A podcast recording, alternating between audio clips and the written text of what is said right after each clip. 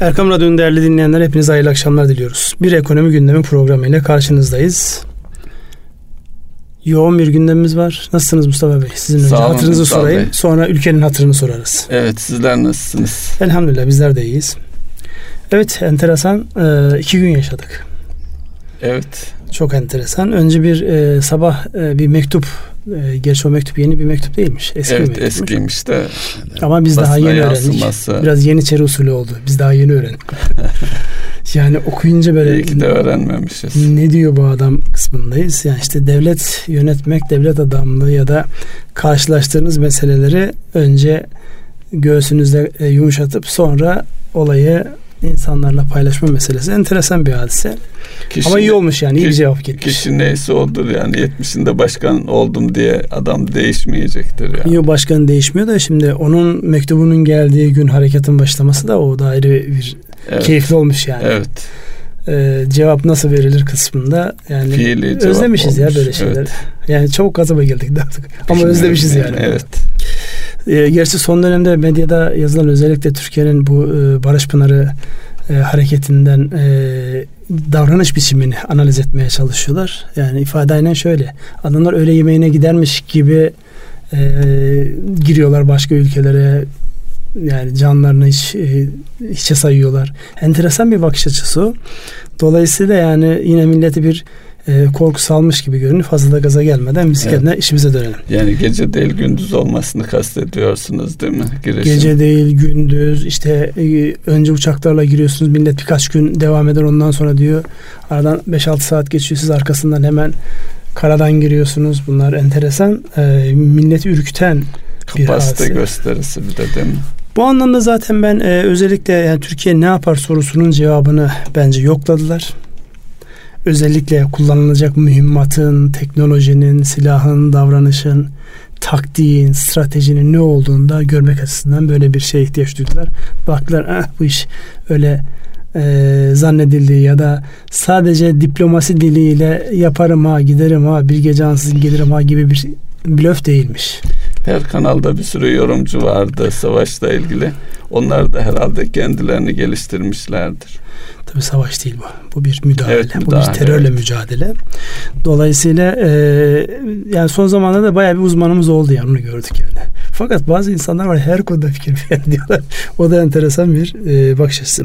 Gelelim ekonomiye. Ne oldu? Nasıl yansıdı?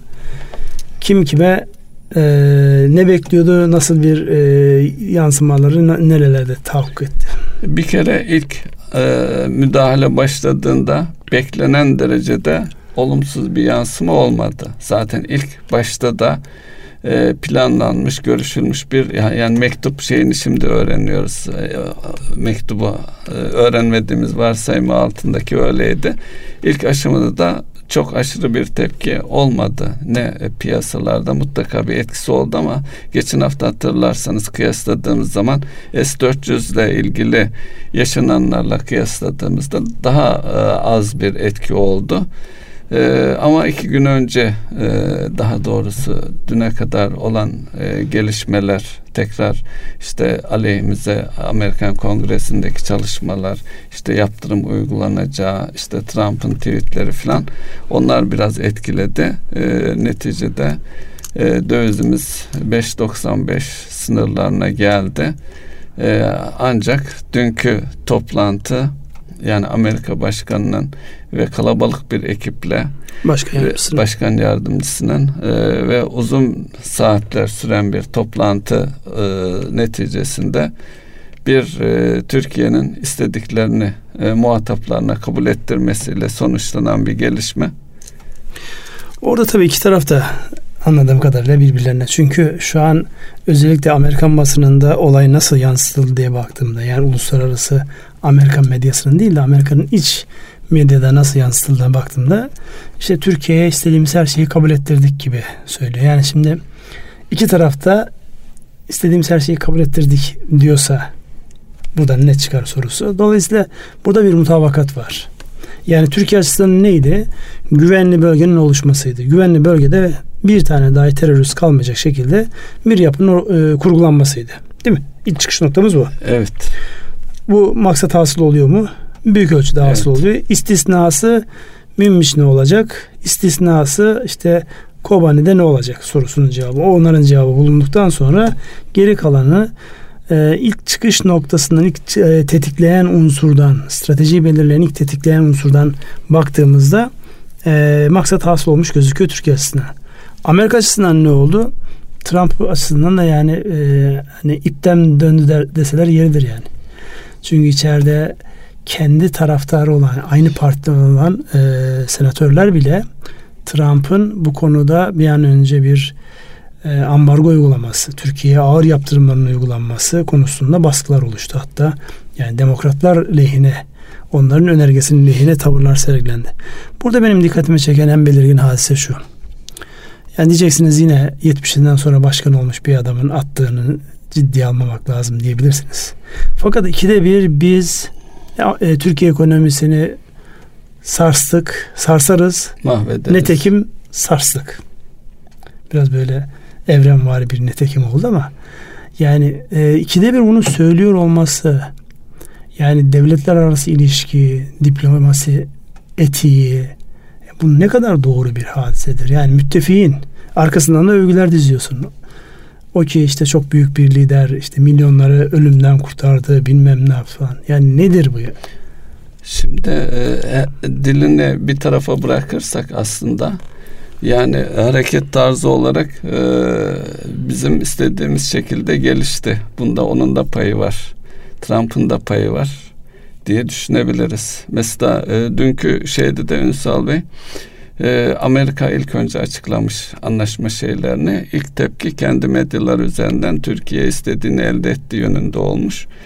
Bir de şöyle bir gelişme var. Yine belki e, ekonomiye yansımalar açısından da değerlendirmek lazım. E, açıklama yapıldıktan sonra bir e, cumhuriyetçi bir de e, demokrat e, senatör Türkiye'nin NATO'dan da çıkarılmasını kapsayan bir senatoya teklif sunmuşlar. Belli olduktan sonra e, sunulan bir teklif. E, Halk Bankası davası e, tekrar mahkemeye sevk edilmiş durumda. Bunların da ne olacağına ilişkin bir e, önümüzdeki dönemde belirsizlik mi diyelim veya tekrar bir e, Türkiye'yi tehdit için kullanılacak bir argüman mı diyelim bunların e, ekonomiye yansıması özellikle Halkbank açısından nasıl yansır? Şimdi tabii e, şu an gördüklerimiz bize yeni yeni şeyler öğretiyor. Özellikle bir haberin kimden çıkması gerektiği noktasında yine Amerika bize farklı bir dünyaya doğru gittiğimizi gösterdi. Yani e, mektuptan Trump bahsetti. Hani hem de kendine haklı çıkarmak için yani öyle bir mektup yazdım ki diye başlayıp kendini övecek şekilde. Arkasından dünkü görüşmeler daha bitmeden, henüz daha son nokta konmadan belli ki el altından e, bir yerden haber önce başkanlaşıyor. Dünya başkanın tweetinden e, öğrendi. Teşekkürlerle öğrendi. Yani işte milyonların bilmem nesi e, ile alakalı böyle bir e, şeye girildi. Dolayısıyla e, baktığımızda ya bundan sonraki dönemde böyle bir şeyi müzakere ederken e, sizin mahrem dediğiniz hadise birden karşınıza medyada bir yerde çıkabilir. Onun için farklı bir döneme giriyoruz. İletişimde farklı bir döneme giriyoruz. O sırların saklanması. Yani birisiyle bir şey konuşurken eğer yanlış bir adım attıysanız onu dışarıdan öğrenip bir daha toparlayamamak gibi bir risk de var. VUCA çağı mı diyorsunuz? Aklıma şey geldi Ünsal Bey. Rusya, İran, Türkiye görüşmesi e, bizim bilgimiz dahilinde görüşmeler naklen yayınlanmıştı hatırlarsınız. Evet. O da belki e, ilk kez olan bir şeydi yani devletler arasındaki görüşmeler açısından. Bundan sonra belki daha da sıklaşacaktır bu hadise. Çünkü öteki türlü yani özellikle ekonomi tarafından baktığımızda her sözün, her haberin, her e, çıtırtının dahi parasal yansımalar oluyor. Düşünün yani dünkü e, toplantı esnasındayken 5.94'ler seviyesinde 5.82'lere geliyor. Şimdi aradaki marja baktığınızda %2'ye yakın bir marj var arada. yüzde iki şu anki dünya rakamlarıyla böyle çarpıp böldüğünüzde ne çıkıyor ortaya biliyor musunuz? Korkunç rakamlar çıkıyor. E, senevi yüzde yedi yüz eder yani, basitten. Dolayısıyla yani e, siz hemen e, bankacı mantığıyla hemen adatlandırdınız ve senevisini çıkardınız. Ama büyük rakamlar bunlar. Yani bunlar e, öyle hani yenilir yutulur cinsten şeyler değil. Yanlış bir haber ya da istemediğiniz bir gelişme bambaşka bir noktaya getirir. E bugün de zaten özellikle borsadaki yansımalarını gördük. Gör, e, fazlasıyla gördük. Ee, yani yüzde dört de açıldı borsa güne. Yani günün ilerleyen saatlerinde de yoğun bir tempo gösterdi kendi e, çapında, kendi ilgi alanında. Burada tabii Halk Bankası mevzu önemli. Borsa derken bir şey var Ünsal Bey. Onu da değerlen ekonomik açıdan değerlendirmekte yarar var mı? Bankaların e, bankalarla ilgili SPK e, bir e, açığa satış ve iki gün e, valörlü bir sürece geçti. O Var, da tam da ben ondan derinliği, bahsedecektim. Evet buyurun. Tam da ben ondan bahsedecektim. Burada tabii e, muhtemel farklı haberlerin gelmesi başta Halk Bankası olmak üzere bankacılık sistemi birbirine çok entegre. Bu anlamda gelebilecek haberlerin ekonomide derin sarsıntılara sebep olmaması açısından sermaye piyasası kurulu da üzerine düşeni yapmış. Orada açığa satışı. Çünkü böyle zamanlarda e, ihtimaldir ki insanlar olayın daha kötüye gideceği düşüncesiyle işte Halk Bankası ile alakalı yani daha böyle uzun sürecek ve e, olumsuz yansımaların yani olabileceği spekülatörlerin e, spekülatörlerin e, küçük yatırımcıları e, çıtır ve kıtır yapmamaları için geliştirmiş almış bir tedbir diye düşünebiliriz yani. Özetle o cümleyi kurabiliriz. Evet. Evet de. Ee, peki bunun da ne zaman kalkar artık o e, Ya bugünden yarına göre, kalkmaz evet. izlenecektir. Çünkü burada yani özellikle beş böyle zamanlarda süreç var. O da sonuna kadar beklenecektir. Tabii 5 günlük zaman içerisinde neler ne olacağını bilmiyoruz. Acaba? Özellikle bu Türkiye tarafındaki sivil kayıplar mevzu e, çok arzulanan bir hadise değil. Evet. Yani 20 insanımızı kaybettik. Yani ne alakası var? Masum 20 tane insan yani sırf o bölgeye yakın yaşıyor diye bir de yapılan var, yapılan evet. e, yani çok haince şeyler. Önce bir yere ateş ediliyor. insanlar oradaki yaralananlara yardım etmek için koştuklarında ikincisinin üzerine atıyorlar. Yani bu inanılmaz vicdansızca bir şey yani. Türkiye o kadar özen gösteriyor. Aman sivil kayıp olmasın, aman o olmasın, bu olmasın diye kendi e, soydaşları dedikleri insanlara böyle hiç gözünün yaşına bakmadan. Bu İsrail'in yaptığı şeylere benziyor. Ya bu dünyanın her tarafında bakış açısı bakış açısıdır. Yani biraz da herhalde yani burada kendimize azıcık bir pay e, çıkaralım. Yani e, vicdanen baktığında böyle 3000 yıllık devlet geleneğinde bir sürü tecrübeler yaşanmış tabii bir olumsuzlar var. Ama bu konuda Türkiye gerçekten yani bu son e, dönemde azam özen gösteriyor ve burada özellikle de iletişimi çok iyi kullandığı gün gibi ortada o bölgeyle alakalı olan haberlerde iletişim kanalları çok iyi kullanıldı. Ne eleştirisi getirildi bu son zamanlarda? Sadece diplomasiyle alakalı başka şeyler de yapılabilirdi. Özellikle batılı ama yani ben onun çok e, farklı sonuçlara doğuracağına inanmıyorum. Yani nasıl algılamak istiyorlarsa öyle algılıyorlar. İşte geçen hafta içerisinde yaşadığımız yani Kuzey Kıbrıs Cumhuriyeti Cumhurbaşkanı hareketle alakalı bir cümle kuruyor karşılaştıklarında Macron şeyi soruyor. Ne diyorsunuz burada? yani oradaki cevap da gayet böyle tam yerinde. Ne zaman tanıdınız siz o devleti ya da ne zaman tanımayı düşünüyorsunuz? Yani mevzu önce değil ki. Önce tanıdı ondan sonra onu getir benim önüme e, bir söz olarak koy. Dolayısıyla yani çok çarkın çok hızlı döndüğü bir dönemdeyiz. E, Allah herkese dirayet, sabır, feraset lütfetsin diyelim. Evet, ekonomik yansımalar anlamında sizin gördüğünüz başka bir şey var mı? Türkiye'nin bu yapmış olduğu hareket ve Türkiye'ye uygulanacak yaptırımların işte e, dünyada şu piyasalar etkiledi, bu piyasalar etkiledi kısmında mı var yoksa Amerika'nın kendi iç politikasıyla alakalı özellikle başkanın azliyle alakalı süreçte eğer bu hadise onların istedikleri gibi sonuçlanmasaydı bir mevzi mi kaybedeceklerdi? Ee, eğer azille ilgili bir süreç olmasa belki çok daha rahat yönetiyor olacaktık biz.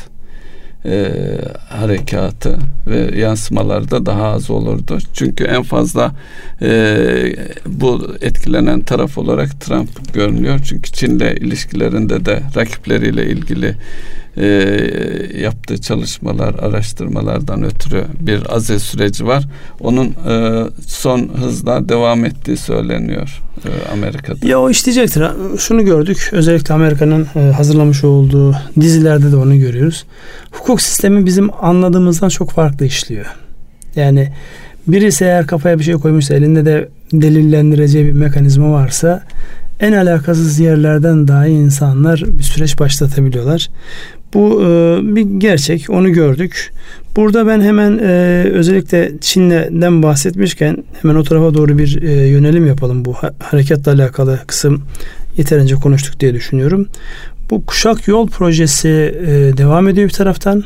Türkiye ile olan ilişkiler, Türkiye'de yapılacaklar olan e, yatırımlar ya da bunun etkisi konuşulurken öbür taraftan da Çin ekonomisindeki yavaşlama ve daha doğrusu büyümenin e, artık iyice yavaşladığı son gelen verilerde de çok net bir şekilde kendini gösteriyor. Şimdi Çin ekonomisi yavaşlıyor. Dünyanın en büyük ihracatçısı. Dünyanın en büyük ikinci ithalatçısı. Bu ekonominin yavaşlaması demek dünyayı nasıl etkiler? Sizin orada e, yanlış hatırlamıyorsam IMF'in e, açıklamış olduğu dünyadaki ekonomik büyüme ile alakalı bir başlık var. Şimdi e, şu andaki hem Çin'deki yavaşlama ve Amerika'daki ekonomi iyi olmasına rağmen e, Trump'la ilgili seçim süreci ve ekonominin daha iyi olması, daha doğrusu durgunluğa girmemesi önem arz ediyor. Dolayısıyla karşılıklı olarak geldikleri bir nokta var. Şu anda e, işte anlaştık deniyor ama bunu kaleme almak işte haftalar alacak deniyor. E, beklenti bunu bir e, aşama aşama yani ilk fazda belli konularda anlaştık diyecekler. Çünkü anlaşamamak iki tarafa da zarar veriyor. Artık Çin'i de e, olumsuz etkiliyor. E, kendi e, ekonomilerindeki yavaşlama nedeniyle Amerika'yı da olumsuz etkiliyor. Tabii e, en büyük iki ekonominin e, etkilenmesi dünyayı da etkiliyor olacak. E, IMF'nin e, büyümeyle ilgili beklentilerini tekrar üçün altına doğru e, düzeltiyor, geri çekiyor. Bu da temel nedeni de dünyadaki bu Çin ile Amerika arasındaki ticaret savaşının sonuçları itibariyle e, dünyada da daha önceki geçmiş dönemlere bakıldığında eğer yüzde iki buçuğun altında bir büyüme olursa dünyada bir resesyon sürecine tüm dünyanın gireceği yönünde bir e, şey var öngörü diyelim buna böyle bir endişe var. Dolayısıyla e, kısa süre içerisinde belli konularda anlaşmaları bekleniyor. Şimdi tabii bu ticari anlaşma Çin'i rahatlatır. Amerikan ekonomisi rahat şu an. Yani Amerikan ekonomisinin dünyanın en büyük ithalatçısının ekonomisinin rahat olması resesyonu hala tetikler mi sizce? Ee, zaten beklenti e, korkuları e, yani konjöktürel e, olarak gelişmelere bakınca her yükselmenin arkasından bir durgunluğun geleceği yönünde yani sürekli yükselmenin de olmayacağı yönünde bunu da zamanını ötelemeye çalışıyorlar. Öteleme derken de işte bu daha önce faizlerin indirilme süreci vardı. Yani merkez bankalarının e, piyasaya verdiği paraların geri alınması süreci şimdi faiz indirimine gittiler. Onun da ötesinde yine piyasaya parasal genişlemeye neden olacak bir hareket tarzına geçtiler. Buradaki şey de şu e, piyasaya parayı bollaştırarak insanların yatırım yapmasını, tüketmesini hepsini teşvik ederek ekonomiyi canlı tutmaya çalışıyorlar. Buna ne kadar zaman sürecek?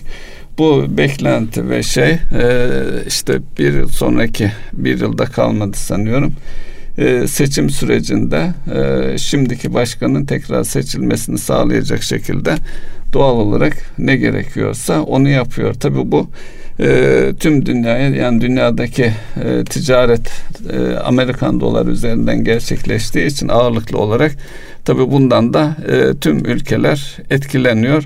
Tabi bu parasal genişlemenin kendi yani bizim gibi ülkelerin de işine geldiğini vurgulamakta yarar var. Çünkü o kaynaklar e, bize de gelecektir. Beklentimiz bu yönde. Evet.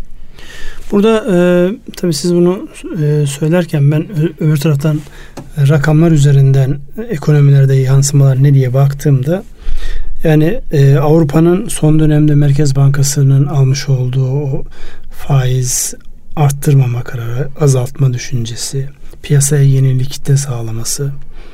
Öbür taraftan Amerika'nın muhtemel bir olumsuzluğun ya da e, büyümedeki yavaşlamayı dikkat alarak orada genişlemeci bir tavır sergileyeceği. Buna baktığımızda Çin'in de aslında gelecekte, yakın gelecekte buna yönelik bir şeyler yapacağına dair yani bir beklenti var insanlarda. Yani Çin bunu karşılıksız bırakmayacaktır.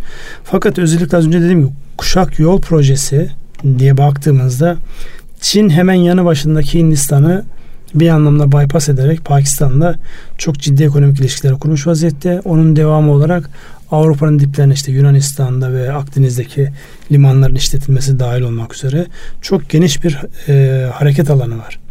E, bizim açımızdan baktığımızda yani son zamanlarda özellikle Çin'le alakalı ne var diye baktığımızda Çinler Türkiye'deki her şeyle ilgililer.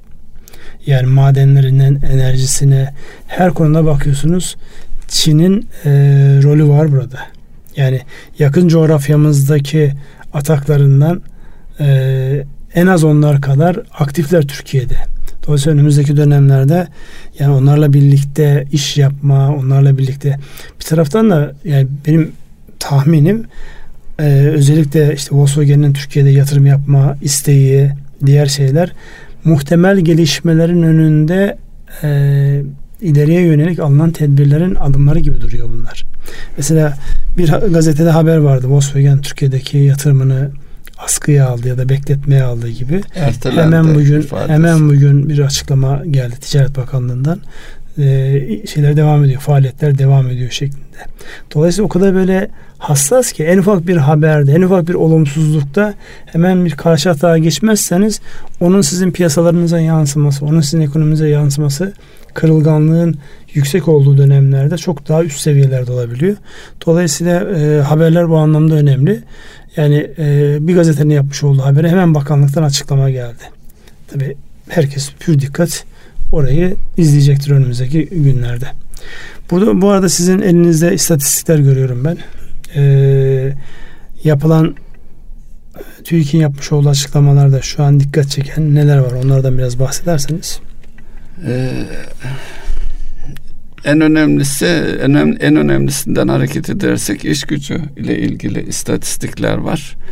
Ee, işsizlik oranımız e, 13,9 seviyesinde gerçekleşti. E, tabii buradaki e, Temmuz geçen, rakamı. Evet Temmuz rakamı. Bir yıl önceye baktığımız zaman 3,5 milyon seviyesindeki işsiz sayımız bugün 4,5 milyon seviyesinde yani 1 milyon civarında bir işsiz sayımızda artış var. Belki daha fazla konuşmamız gereken bir konuda e, genç işsizlikle ilgili. Geçen yıl 19,9'muş bir yıl önce yani e, şimdi ise 27.1 neredeyse e, üçte bire yakın bir seviyede işsizliğimiz gençlerle ilgili işsizlik sorunu var. Yine aynı şekilde e, şeyde de ne istihdamda ne eğitimde olanların oranında da yükselme var. 29,4 geçen sene 27,7'ymiş. E, kayıt dışında da artış var. Nokta, e, 1.7 seviyelerinde yani işsizlik arttıkça e, ekonomi daraldıkça kayıt dışı çalışmalarda çalışanların sayısı da e, artıyor. Belki bu tabi daha önce de konuştuk. Bu işsizliğin e, makul seviyelere gelebilmesi için de ekonomide ciddi miktarda canlılık olması hele hele öngörülen yıllık yüzde beşlik büyümeler öngörülmüştü önümüzdeki 3 yıl için 2020, 21 ve 22 için bu dönem içinde belki bu büyümenin gerçekleşmesi e, arzu ediliyor ama burada da e, nasıl gerçekleşecek. Kapasite kullanımı ile alakalı bir şey vardı elinizde. Yanlış Sanayi üretimiyle Sanayi ilgili, ilgili bir istatistik var. Ee, geçen yılın aynı ayına göre yüzde 3,6 azalmış e, sanayi üretimi. Ee, buraya uzun vadeli baktığımızda özellikle işsizlik ve kapasite kullanımı ile alakalı baktığımızda yani ekonominin e, sektörel anlamda tabii ki dönüşler yani dipten geriye dönüşler var. Bazı noktalarda ciddi büyümeler, hareketlenmeler var. Ama geneline baktığımızda, genel yorumladığımızda özellikle istihdamın artışını sağlayacak, işsizliği azaltacak e, henüz daha o geri dönüşü e, başlatamamışız. Evet. Yani şöyle ben 15 yıllık grafiğe bakıyorum şu an siz konuşurken gözüm oraya takıldı. Bir 2008-2009'daki görmüş olduğumuz işsizlik seviyelerini geçtiğimiz ay yani geçtiğimiz ayın açıklanan datası Haziran'da görmüşüz. Pardon Mayıs'ta görmüşüz. Haziran'da e, dip yapmış. Temmuz'da biraz daha e, yukarıya gitmiş. Dolayısıyla baktığımızda yani bizim işsizliği e, etkisini ortadan kaldıracak, istihdamı arttıracak adamlar için biraz daha özellikle finansal tarafta e, yatırımları kolaylaştıracak adımlara ihtiyaç var. Yani şu an yavaş yavaş e, insanlar yeni kapasiteleri, üretimlerinde yeni hatları konuşmaya başladılar. Özellikle en büyük şikayet, bunu da reel sektörün bir şikayet olarak aktarmış olalım. E, bankalardan istedikleri ilgi alakayı görmediklerinden şikayetçiler. Dolayısıyla yeni kaynak, e, alternatif kaynak arayışları şu an firmaların reel sektörün gündeminde. Özellikle yatırım e, iç kaynaklı yatırım mallarından tedarik ediliyorsa finansman nispeten daha zor. Ama dışarıdan yapılıyorsa işte her ülke kendi ihracatını arttırmak, kendi e, üreticisini desteklemek adına e, ülke Exim Bank e, kredileriyle destek oluyorlar. Tabi oradaki en büyük problem de teminat yapısında ortaya çıkıyor. Yani buradan bir bankanın e, oradaki e, kredi sürecine teminat vermesi gerekiyor. Fakat şu an bizim bankacılık sistemimiz risk almak açısından çok iştahlı bir dönemi yaşamıyor maalesef. Onun her tarafa yansımasını görüyoruz. Yani sadece işsizlikle alakalı değil yani bir bütün olarak baktığımızda herkesin iş yapma ve e, risk alma iştahının aynı seviyede olması icap eder ki oradan pozitif sonuçlar çıksın ve insanlar birbirlerinin yükünü alsınlar.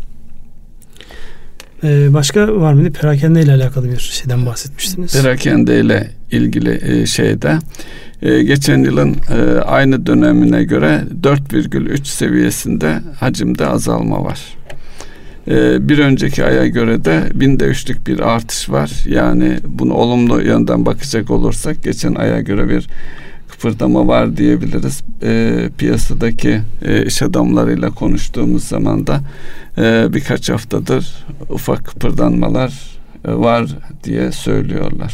Yüzdesel olarak baktığımızda yıllık bazda ne görünüyor orada? Yani aylık bazda baktığımızda bir artış var. Yıllık bazda baktığımızda evet 4.3'lük bir, bir azalma, e, azalma var. Azalma. Dolayısıyla yani yıldan yıla baktığımızda e, insanların harcama sepetlerinde bir daralma olmuş.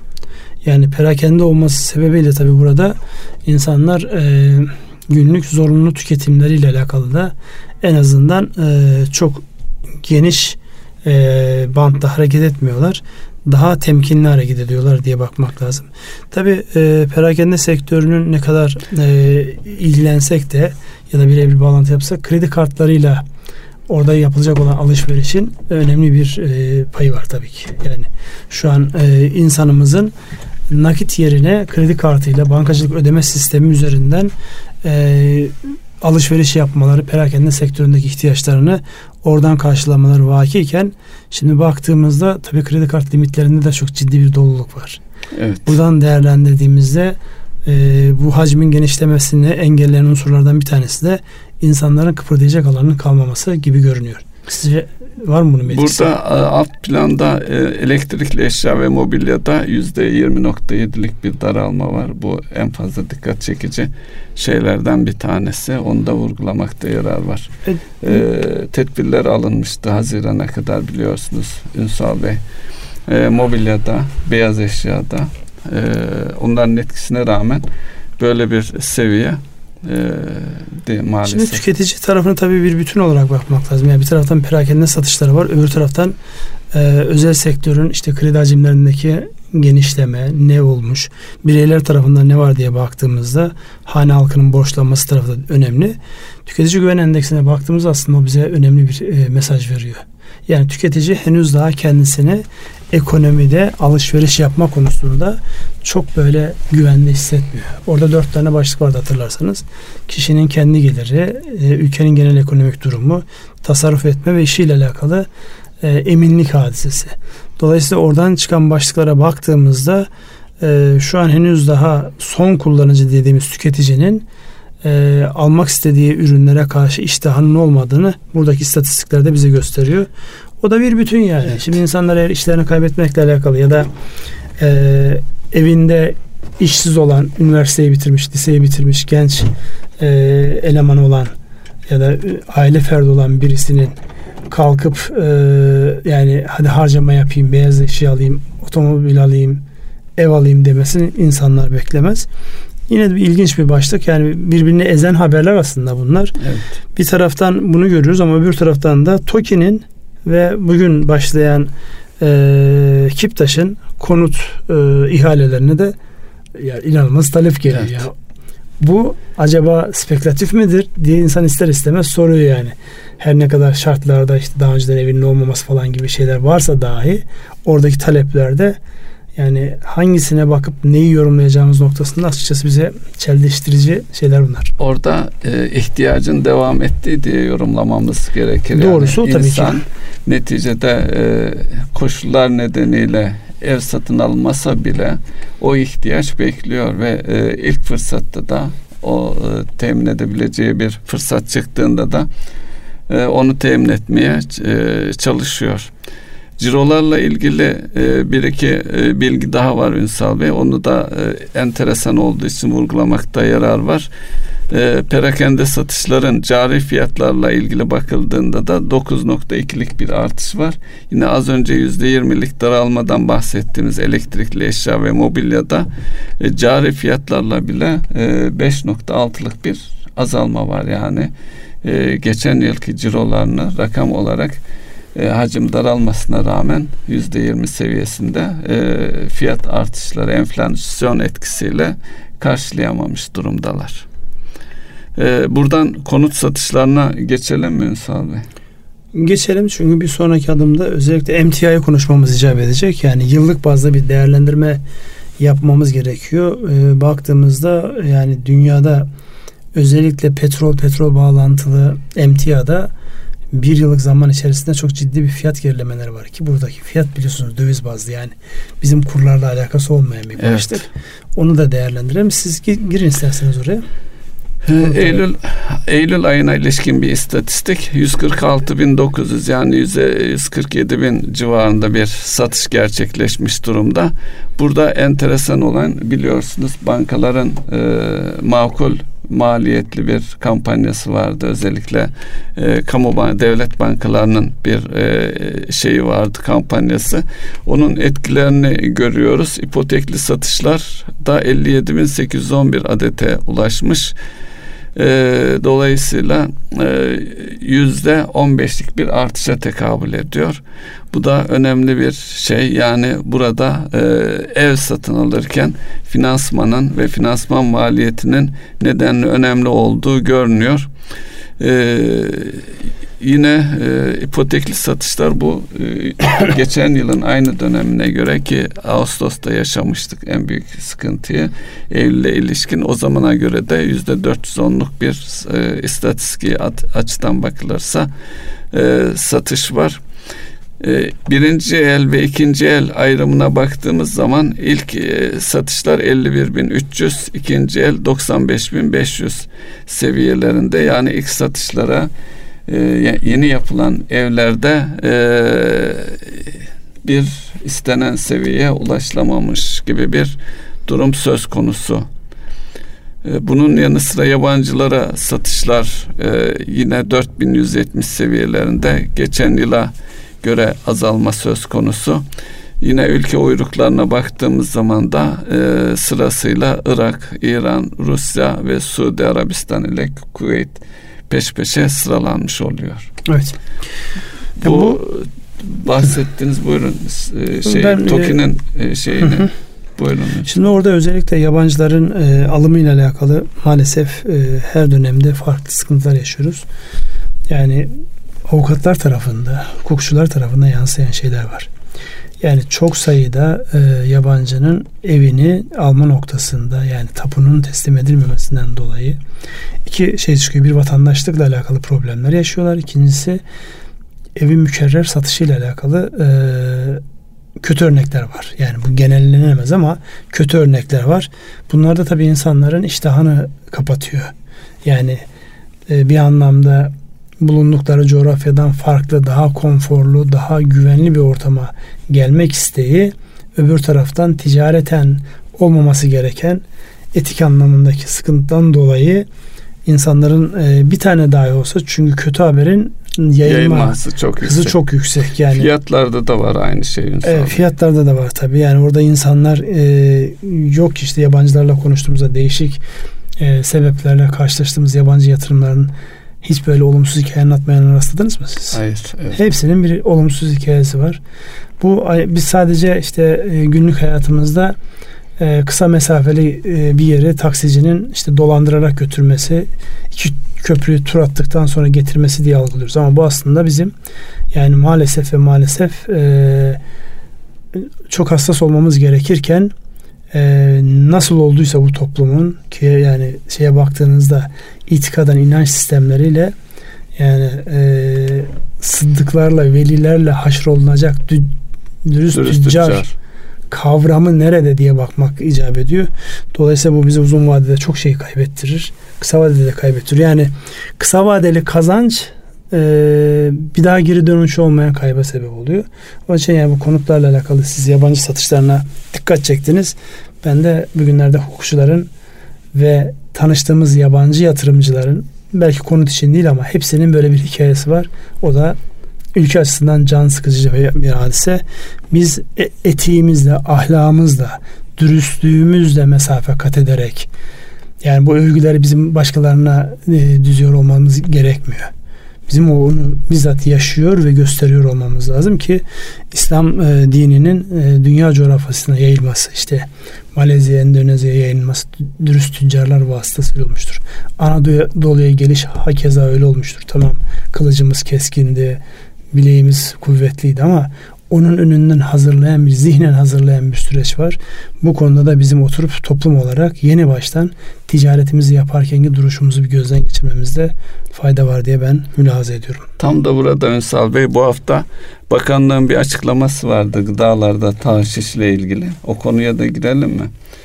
Ee, özellikle e, bir buçuk yıl önce yine yayınlanmıştı gıda maddelerindeki hilelere ilişkin bu et ürünleri e, her türlü daha doğrusu her türlü gıda yani poşet çaydan tutun e, sucuk, gıda maddeleri, zeytinyağı yani özellikle hile yapıldığında e, hile yapana anlaşılması zor olan e, bal mesela. Hile ve hile yapana da ciddi kazanç sağlayan ürünlerde e, hileler te, e, tespit edilen hilelere bakanlık e, bu firmaları ve hangi markaları olduğunu ürünleri de içeren kocaman bir liste yayınladı.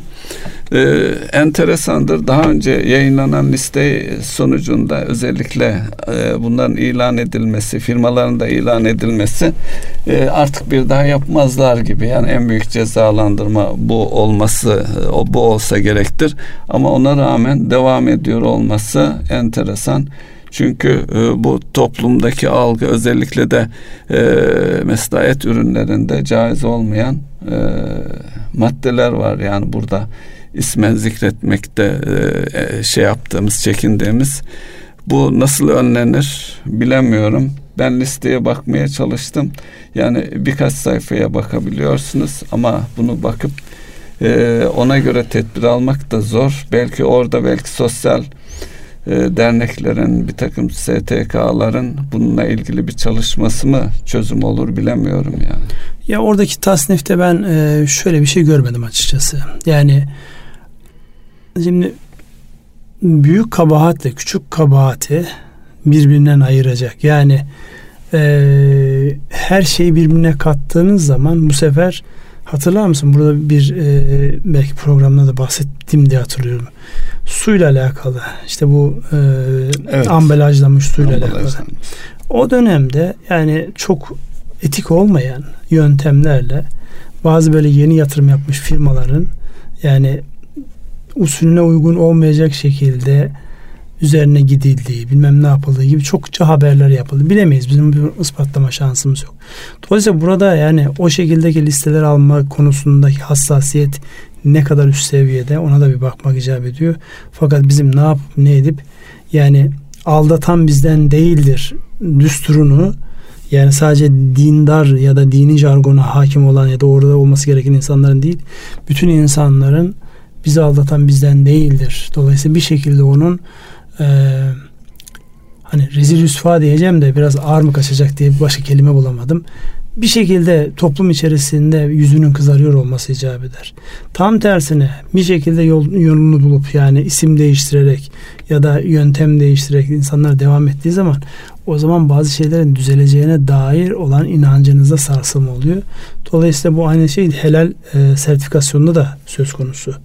Yani o ne kadar sağlıklı şey, işliyor noktası. Avrupa'da örnekler var. Avrupa'daki helal sertifikalarının gerçek olmadığı yani gün gibi ortada. yani. Evet. Ha, gün gibi ortada yani oradaki helal Ülkemizde, ifadesi. E, yani burası Müslüman ülke helal gıda e, konuşmak biraz garip kaçıyor ama Batı ülkelerinde ciddi bir sıkıntı. Valla hiç kimseye garip kaçmasın. Yani herkes e, azam ölçüde dikkat etmek zorunda. Özellikle mesela bu e, şey mevzu bu jelatin ürünler mevzu başlı başına masaya yatırılması gereken olayın bir tarafında e, işin fıkhi tarafı var, dini tarafı var. Öbür taraftan hijyen, sağlık ve diğer taraflar var. Yani bu konuların oturup yani enine boyuna işte o işte faaliyet gösteren şirketlerin büyüklüğüne, çapına, bilmem nesine bakmaksızın doğru neyse bu toplumun yani e, kullanmış olduğunuz ilacın üzerindeki jelatinli şeyin ne olduğunu biliyor musunuz? Onunla alakalı herhangi bir şey var mı? İthal ediliyor bunlar. Evet. Bununla alakalı herhangi bir yani bir ilaç e, şeyin üzerinde helal sertifikası gördünüz mü siz bugüne kadar? Yok. Dolayısıyla bunların oturup enine boyuna değerlendirmesi gerekiyor. Neyse konuyu dağıtmayalım. Ee, ama, ama bir realite var. bir gerçekleri belki e, meslek örgütleri bunları daha kolay çözebilir. Yani onu ben niye önemsiyorum? Bir taraftan işte e, benim de üyesi bulunduğum İş Adamları Derneği'nde şunu konuşuyoruz. Helal turizmi nasıl arttırarak dünyadaki işte Müslüman coğrafyadaki insanların buraya daha rahat gelmesini sağlayabiliriz. Ya şimdi bunun konuşulduğu bir ortamda insan gayri ihtiyarı ya bir dakika bizim normalde gidip de yani herhangi bir yerden almış olduğumuz ürünün helalliği ile alakalı ne kadar eminiz sorusu insanın tüylerini diken diken ediyor. Dolayısıyla buralarda bir toplu bakmak icap ediyor. Yani hepimizin birbirimize karşı yani şu an belki ticareten e, lehe gibi görünen şeylerin üzerine bu anlamda da gidilerek gerçek anlamda bu iş hassasiyet gösterenlerin baş tacı edilmesi, yanlış yapanların da bir şekilde en ağır şekilde cezalandırması konusu gündeme gelmeli diye düşünüyorum. Bu tabii benim şahsi düşüncem. Yani etkili yetkili konumda olan insanların düşünceleri muhakkak bununla alakalı vardır ya da olacaktır. Tabii burada da bir rekabet açısından da sıkıntı var dürüst e, tüccarlar açısından. Bunların bulunması. Dünyanın her tarafında, edilmesi. dünyanın her tarafında mesela bizim yurt dışına giden arkadaşlar yani Müslüman e, şeylerin bulamadığı yerlerde işte Yahudilerin e, helal sertifikasyonu olan ürünleri tükettiğine dair haberler alıyoruz. Niye diyoruz? E çünkü diyor en azından yani işte e, ne olduğunu konusunda hassasiyeti biliyorum. E, nedir peki şey? Daha fazla bedel ödüyorum diyor. Yani insanlar aslında hepimiz öyle değil miyiz yani? Evet. Yani hassasiyetlerimiz noktasında daha fazla bedel ödemedik mi? Ödemiyor muyuz? Ee, o konuda insanlar rahatsız değil. Yeter ki işleri e, emin olsun, işleri mutmain olsun. Neyse bu konuyu burada bence Peki. yeterince konuştuk diye düşünüyorum. Geçelim zaten süremize daralıyor.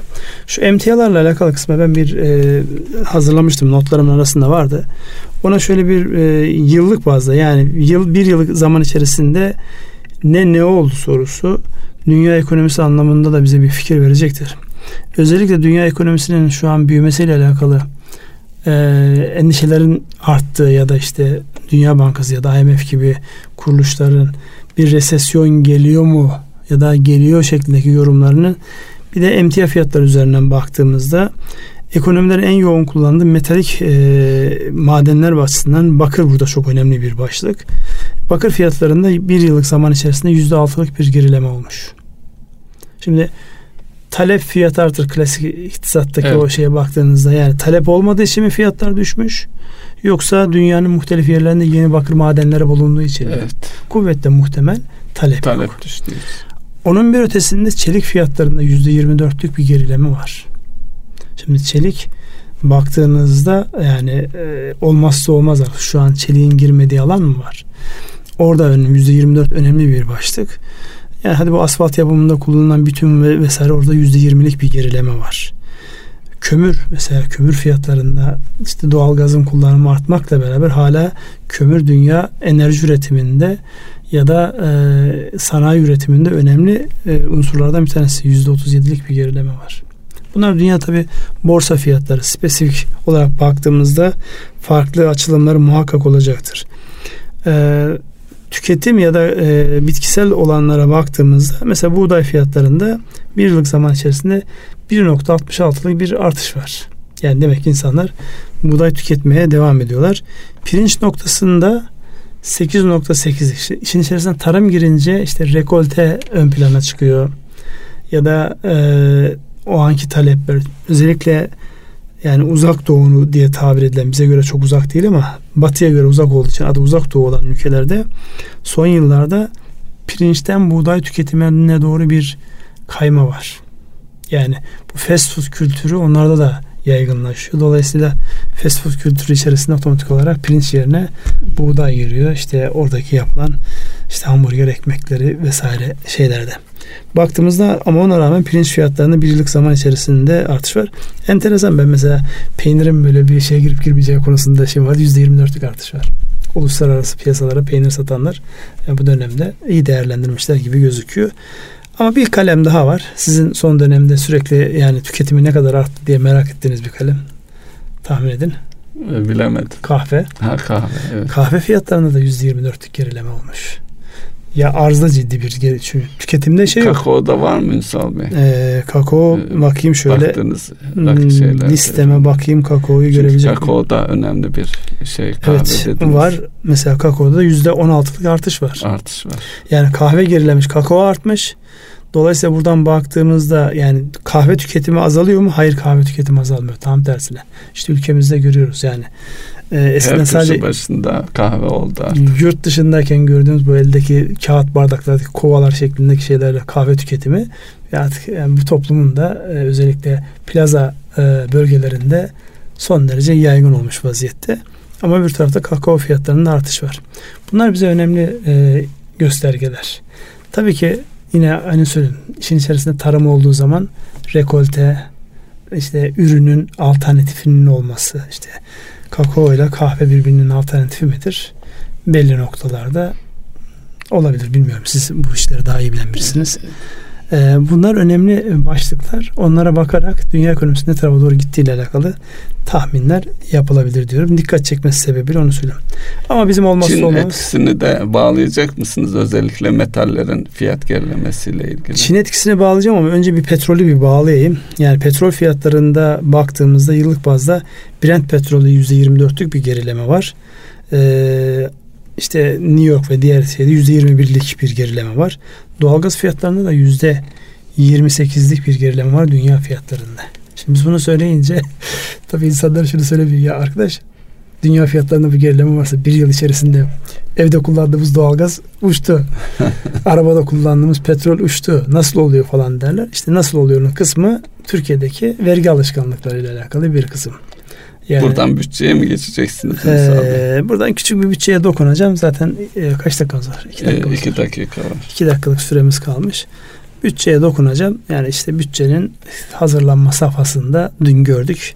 Sembolik olarak iplerle bağlamış bütçe getirildi, meclise verildi. İnşallah hayırlı uğurlu olur. Ee, bütçe disiplini önemli bir başlık. Ekonomi açısından önemli bir başlık. Geçtiğimiz zaman içerisinde biraz fazlaca seçim yapıyor olmaktan dolayı, fazla farklı şeylerden dolayı yeni dönemde bütçe disiplini önemli bir e, unsur olacak. %5'in üzerinde bir büyüme e, bütçede öngörülmüş. İnşallah bütün o parametreler tutar ve ülke ekonomisinin lehine bir başlık çıkar diyorum. Benim söyleyeceklerim bundan ibaret.